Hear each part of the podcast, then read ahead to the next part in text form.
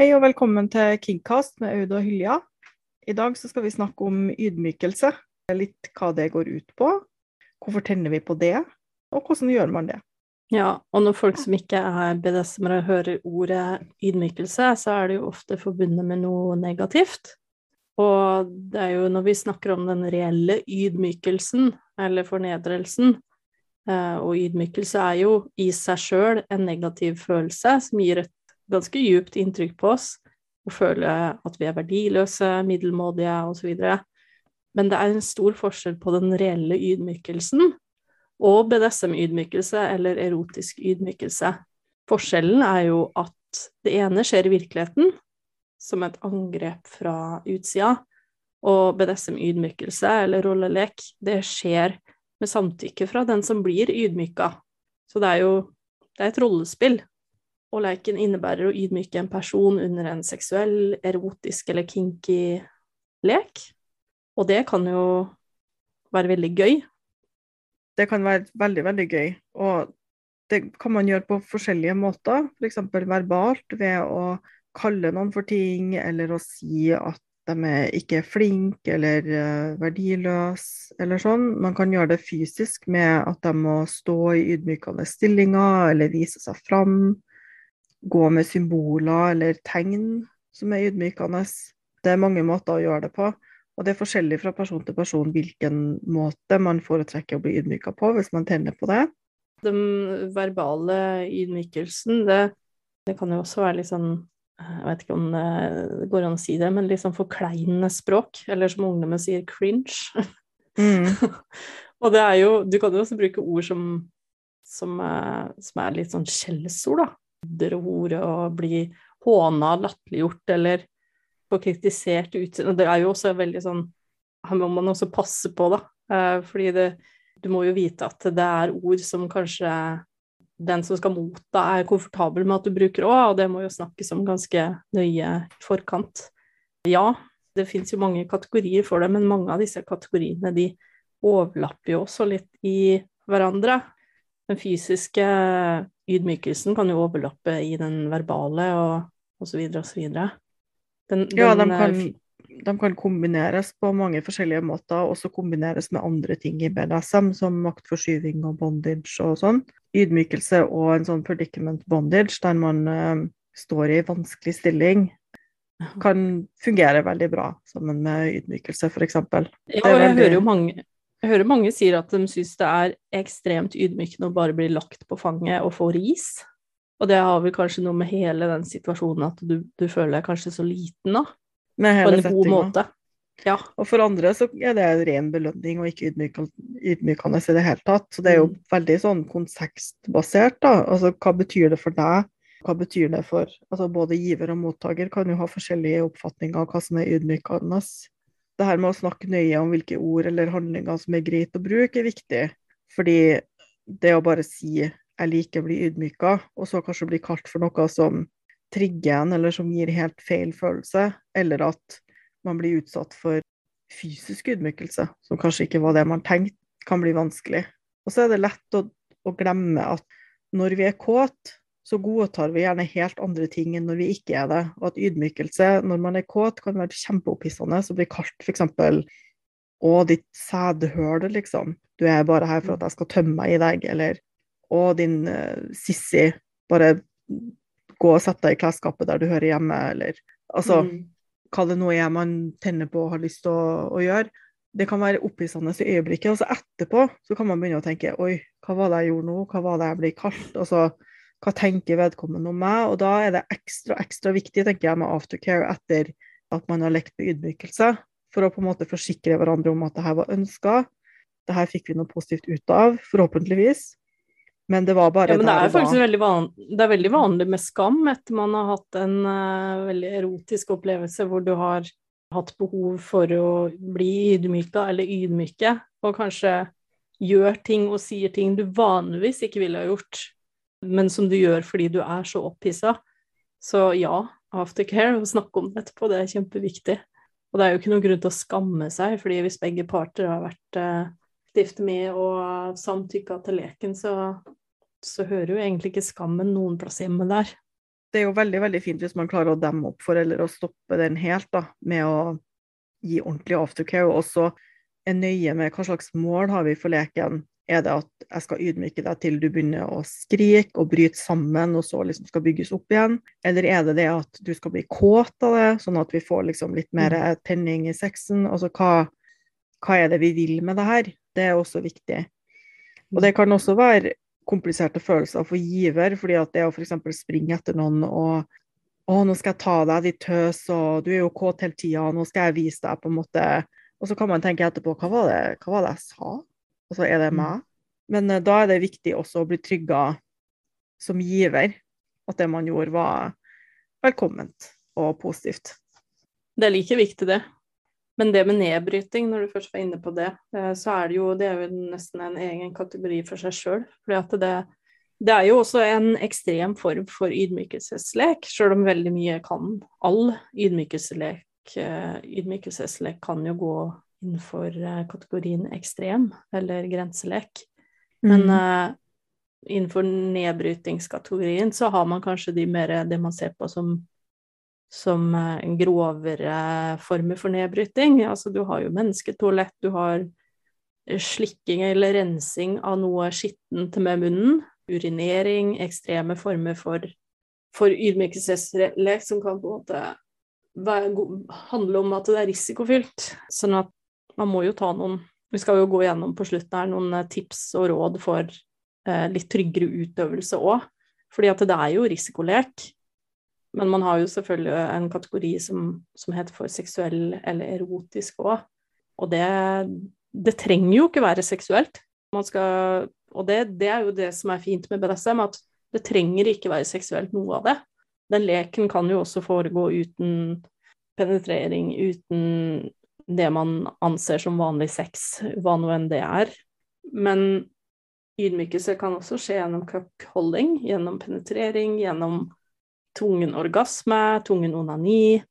Mm. Eh, og det viktigste er jo at samtykke innhentes før scenen, før maktutvekslinga eller leiken, sånn at ikke du tvinger en person reelt, fordi det er en Her må man være veldig forsiktig, da.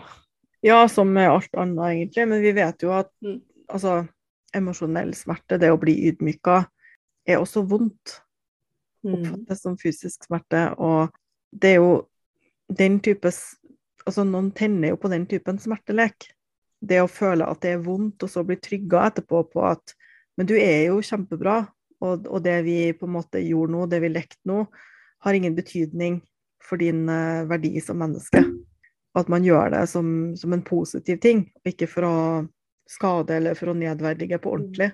Ja, og det er jo Ja, det er viktig at du sier det med at, eh, at det også at det har jo en risiko, det med den uh, emosjonelle den nedverdigende Eller den emosjonelle ydmykelsen òg. Fordi at uh, ja, det er grenselek, og ja, det er edgeplay, og det er jo først og fremst fordi hvis du ikke er forsiktig, hvis du ikke kommuniserer, så kan du potensielt både mentalt og følelsesmessig skade deg sjøl eller partneren din. Så ja, kommunikasjon, tillit, eh, åpenhet, og det er kjempeviktig. Men vi har jo også en, en siste kategori som, som, heter for offentlig ydmykelse. Og der er det jo også litt kinkig, fordi eh, alt som involverer et offentlig sted, bør egentlig ikke være offentlig. Her kommer litt tante Sofie igjen. Men eh, det, det, er jo fordi at steder som sexklubber og BDSM-klubber og private samlinger av kinky venner, eller eh, kinky festivaler, eller private eiendommer, det er steder hvor du kan, hvis du har samtykke, da, utføre ydmykelseslek foran andre mennesker. Men sjøl da så må du faktisk holde deg innenfor reglene for uh, lekeplassen, for, uh, for BDSM-klubben, uansett hvor du er hen. Fordi alle har jo sine regler og sine normer som de følger, da. Og fordi grunnen til at jeg er veldig negativ til den offentlige ydmykelsesleken, det er at fremmede som går nedover gata, vanilje eller ikke. de kan ikke, eller vil ikke nødvendigvis samtykke til å se det. Så det er faktisk grenseoverskridende.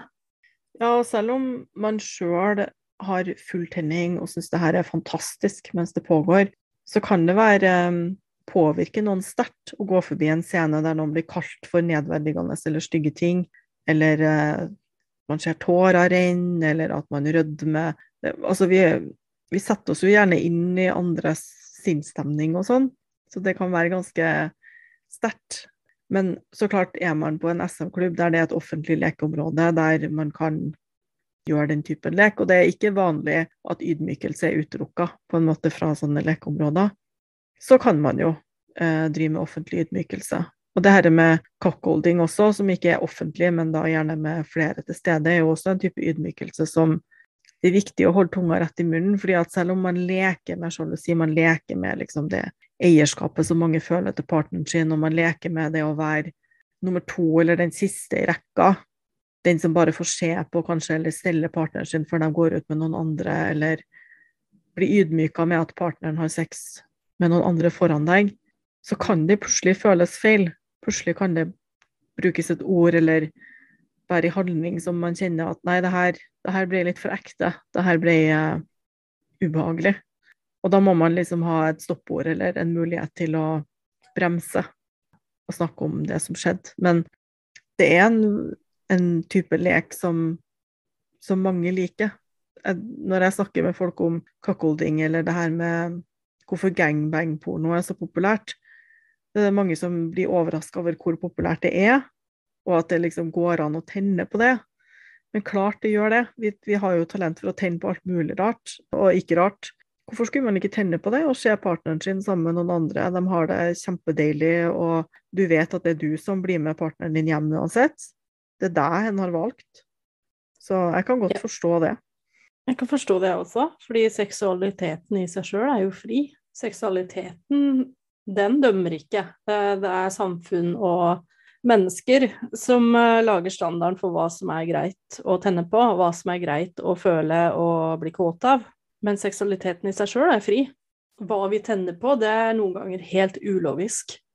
Det er mm. helt vekk ifra kanskje hva vi står for, hva verdiene våre er, og hva vi liker, hvem vi definerer som oss sjøl, da. Så det er det jeg syns er litt interessant med seksualitet, at den er for seg sjøl helt fri. Det liker jeg. Og det er jo egentlig en uh, gave å kunne tenne på mange forskjellige ting som gir glede. Det er ikke nødvendig at andre forstår det. Men i og med at ydmykelse betraktes som en form for grenselek, da, og man potensielt kan skade både seg sjøl og partner, så, så, har vi jo også noen, noen, råd, noen tips, for å redusere risikoen. Eh, BDSM vil jo alltid være en form for risiko, men det vil jeg si at all interaksjon er. Om du har sex eller ikke, så er det alltid en form for risiko, for det er alltid to mennesker eller flere med hver sin bagasje og hver sin historie. Men man kan jo selvfølgelig redusere risikoen for ydmykelseslek, og det ene er jo at man må snakke åpent om triggere, om tidligere erfaringer eller psykiske lidelser. Og noen, eller alle former for ydmykelse, vil jo kanskje aldri være helt i orden for noen. Og så det med å ha et stoppord, det med å vite hva målet er, også vite hvilke ord som er bra, hvilke ord som er positive, hvilke ord som fungerer, for da er det lettere å unngå de som ikke fungerer. Hvis man bare nevner det man ikke skal si, så er det fortsatt en ganske stor risiko for at det er mer som ikke er nevnt, og at man bommer litt da, med det man uh, velger å si. Eller uh, at man velger handlinger som, som, ikke var nevnt, men som fortsatt er litt problematisk. Ja, da må man passe på å sjekke inn hele tida. Spørre partneren uh, går det bra, kan jeg fortsette? Er det noe vi trenger å snakke om? Og, og også etterpå. Man sier aftercare, aftercare, aftercare, eller ettervern mm. på norsk. Men uh, å følge opp både før og under og etterpå. Og det gjelder begge. Det gjelder alle parter. Ja. Og en sikkerhetsting til hvis man tar eh, bilder eller bruker film eller sånn. For det er jo også en veldig effektiv måte å ydmyke noen på. Å få dem til å skrive kuk i panna og sende bilder av seg sjøl, f.eks. At man sletter de bildene. At man har kontroll på hvor de er hen, og at de ikke deles videre. I hvert fall med mindre det er en del av avtalen, og at det er samtykke fra de de deles med også. Det er viktig. Ja for det, handler, ja, for det handler om respekt for den andre parten. Og man har jo et ansvar for å sørge for at partneren vet at de er verdsatt, at de er tatt vare på, at de er respektert. Og det også går begge veier. Og det går jo også litt på hvorfor mange tenner på ydmykelse, fordi det er litt tabu at hvis din partner skulle vise et bilde av deg i en veldig ydmykende posisjon til sine venner, kanskje de ville synes at det var veldig opphissende, men det ville fortsatt være pinlig for deg, så kan det være en morsom følelse å leke med. Men man må også føle seg trygg. Og den kombinasjonen av å føle seg trygg på at grensene ikke blir tråkka over, og at det er tabu, og at man er litt redd for at det skal skje, man er redd for andres reaksjon og sånn, det kan være en årsak til at man tenner på det. Også at man kanskje føler seg litt begrensa i seksualiteten sin. At man eh, kanskje har bitte litt internalisert skam da, for at man har lyst på sex, for at man har lyst på ting som ikke alle driver med. At man har et litt uvanlig tenningsmønster, eller føler at Ja, det kan være mange ting som man tenker at det er litt vanskelig på en måte. Og det å utforske det med ydmykelse og, og føle litt på den skammen og bruke den på en, en positiv måte, kan være en av grunnene til at man tenner på det. Men det er viktig at balansen blir riktig, at skammen blir en del av spenninga og ikke er utløst på en negativ måte. Ja, balansere det på den måten også at det, det blir gjort på en måte som gir noe positivt, og ikke skader en. Som ikke skader en med å ydmyke en på arbeidsplassen eller personlig, på et personlig nivå som gjør at uh, du får noen problemer i forholdet med partneren din, med familien din ikke oute folk. Det går en grense, og den grensa må man jo sette sammen også, men det er jo noen ting som er veldig åpenbart. Du sender ikke tøsebilder til sjefen til den du leker med, det gjør du ikke. Nei, og hvis man f.eks. driver med finndomming og har en uh, paypig som betaler deg penger, så sender du ikke kontoutskrifter til uh, vennene uten, uh, uten, å ha samtykke til det. Det må, det må skje innafor de de gjerdene som man har satt opp og blitt enige om. Ja, og så er det jo også viktig at når, når ydmykelsen involverer seksuell, seksuell kontakt eller kroppsvæsker, så bør det håndteres så sikkert som mulig med bruk av prevensjonsmidler, kondomer. Om det må testes, må du testes. Ved å gjerne ha noen pålitelige partnere eller noen faste partnere, eller at de som er involvert, i hvert fall følger opp og, og, er gjennomsiktig i forhold til med både testing og prevensjon, og at det snakkes om. Ja, det er viktig.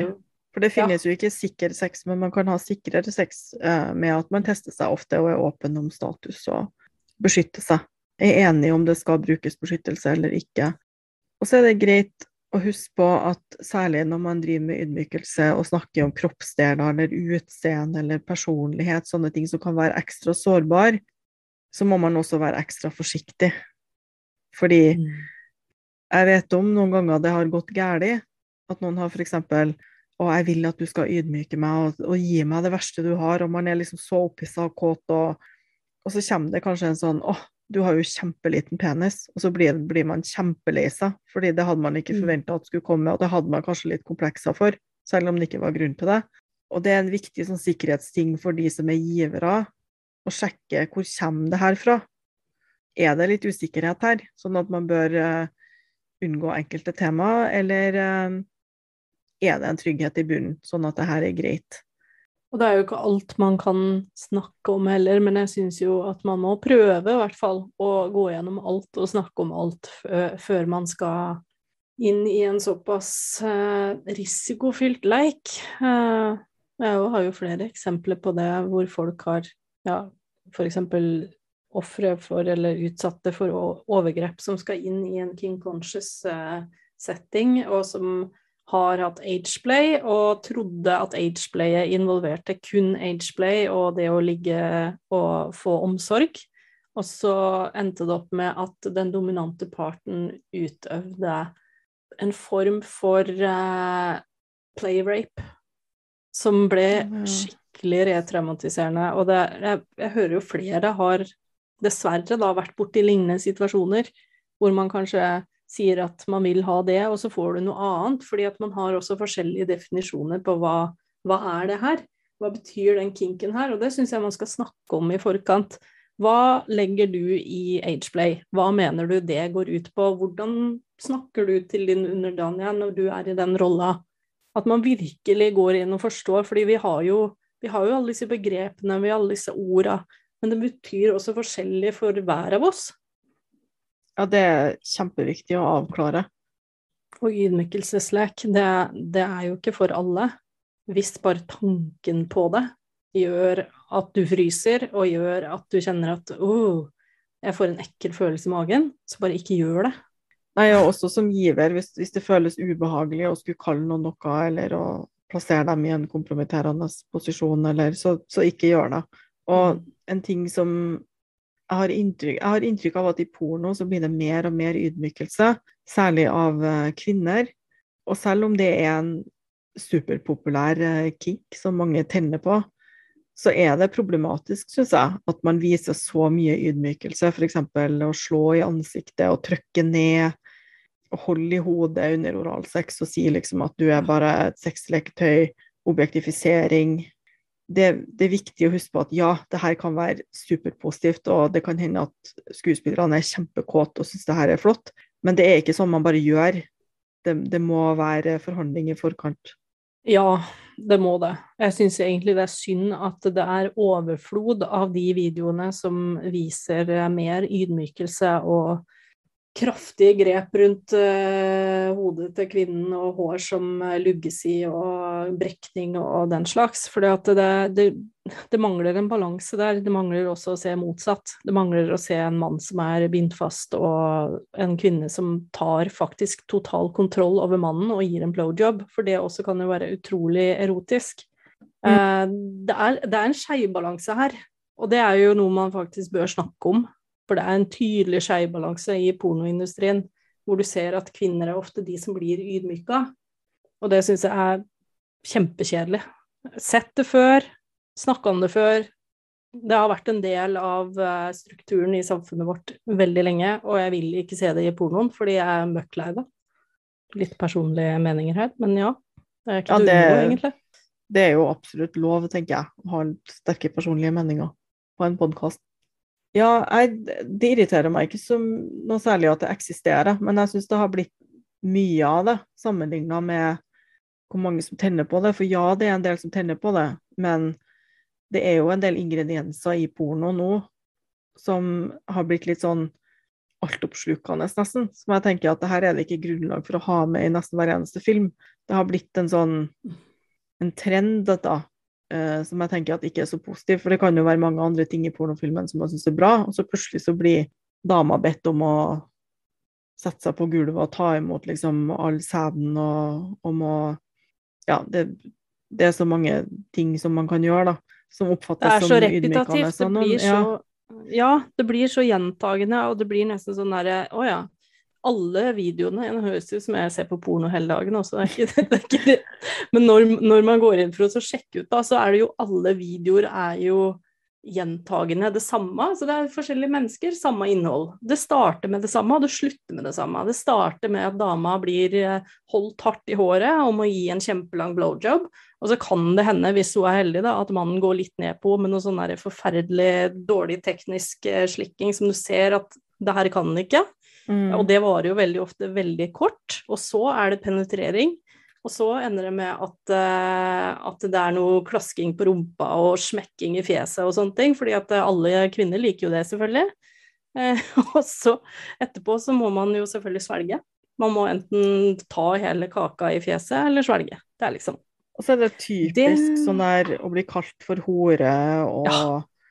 Uh, ja, du likte vel det her, og nå har vi brukt deg, og sånne her ting det er mange som syns at det er opphissende når man har sex, men ikke alle. Mm. Og det er litt som at det godt kunne ha gått litt flere veier, da. Mennesker har ulike kjønn, ulike roller. Det går mye én vei. Men det er jo ikke til å komme ifra at porno stort sett er lagd med heterofile menn i tankene. Eller i hvert fall menn, da. Mm. Og det gjør at det noen ganger blir litt At det ikke blir helt riktig for andre.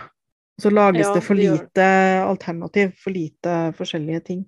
Ja, det, det, gjør det. Fordi det er jo, som du sa, at det er jo ikke noe gærent at det eksisterer, men det er jo det at det er så mye av det, og at det er så lite balanse. Det er få alternativer. Man savner jo alternativene. Man savner å se en mann som også blir ydmyka på den måten. Ja. Og som også kan få en blowjob mens han er bindt fast eller uh, i en uh, ydmykende stilling, eller Det fins jo det òg, men det er så lite av det. Man vil jo ha mer balanse. Man vil ha mer utvalg på den fronten her. Mer ydmykelse, bare med forskjellige mennesker. Yes. forskjellige roller. Ja. Nei, Vi kunne sikkert snakka i timevis om ydmykelse. Og mm. en ting som slår meg, er at det hadde vært veldig morsomt å ha en episode hvor vi kunne komme med eksempler på ulike former for ydmykelse. For det kan jo være gøy, uten å egentlig snakke om for og imot og positivt og negativt, men bare komme ja. med masse eksempler. Jeg har jo kommet med noen, da, men jeg er sikker på at vi hadde kommet på mange flere. Ja, vi kunne jo f.eks. hatt en episode som het for 100 former for ydmykelse. For eksempel. ja, men det er en idé til fremtida, det. Men uh, ja, men neste episode så skal vi ikke snakke om det, da. Da skal vi snakke om noe helt annet. Og det er en partner er kinky, og en annen ikke er det forskjeller i forhold. Det kan jo bli litt uh, interessant. For det er vel det, er temaet jo... som det er flest lyttere som har spurt om. Ja, faktisk. Det... Så det tror jeg er på tide at vi snakker om det, da. Mm. Det var det vi hadde for i dag. Hva vil du høre om neste gang? Send oss gjerne en e-post på kingcast.hotmail.com. Eller kontakt oss på Facebook-siden vår. Takk for at du hørte på Kingcast.